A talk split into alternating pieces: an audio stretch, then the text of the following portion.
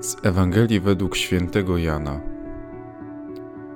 W czasie ostatniej wieczerzy Jezus, podniósłszy oczy ku niebu, modlił się tymi słowami: Ojcze święty, proszę nie tylko za nimi, ale za tymi, którzy dzięki ich słowu będą wierzyć we mnie, aby wszyscy stanowili jedno, jak Ty, Ojcze, we mnie, a ja w Tobie, aby i oni stanowili jedno w nas aby świat uwierzył, żeś Ty mnie posłał.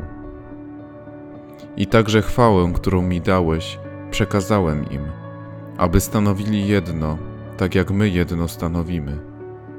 Ja w nich, a Ty we mnie. Oby się tak zespolili w jedno, aby świat poznał, żeś Ty mnie posłał i żeś Ty ich umiłował, tak jak mnie umiłowałeś.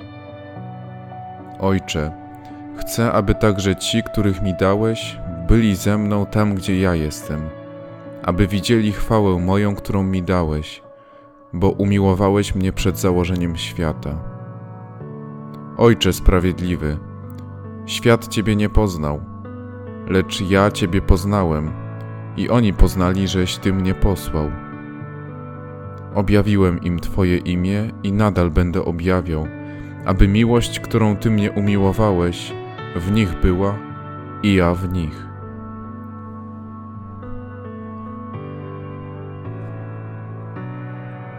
Jezus w modlitwie arcykapłańskiej zwraca naszą uwagę, jak istotna jest jedność Kościoła. Lecz zastanówmy się, co to w ogóle oznacza jedność Kościoła.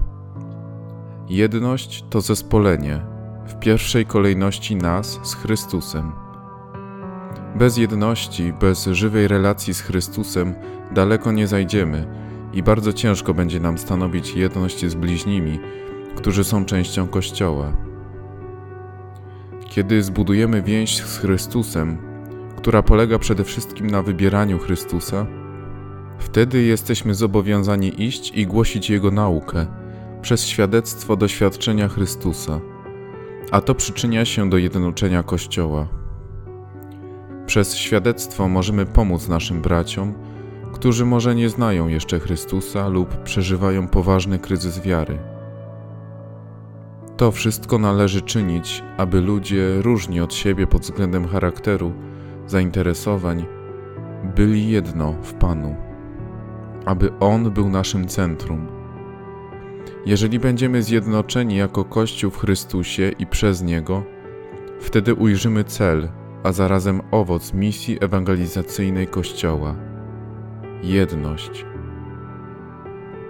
Jedność wymaga ogromnego zaangażowania, własnego wkładu pracy w życie Kościoła.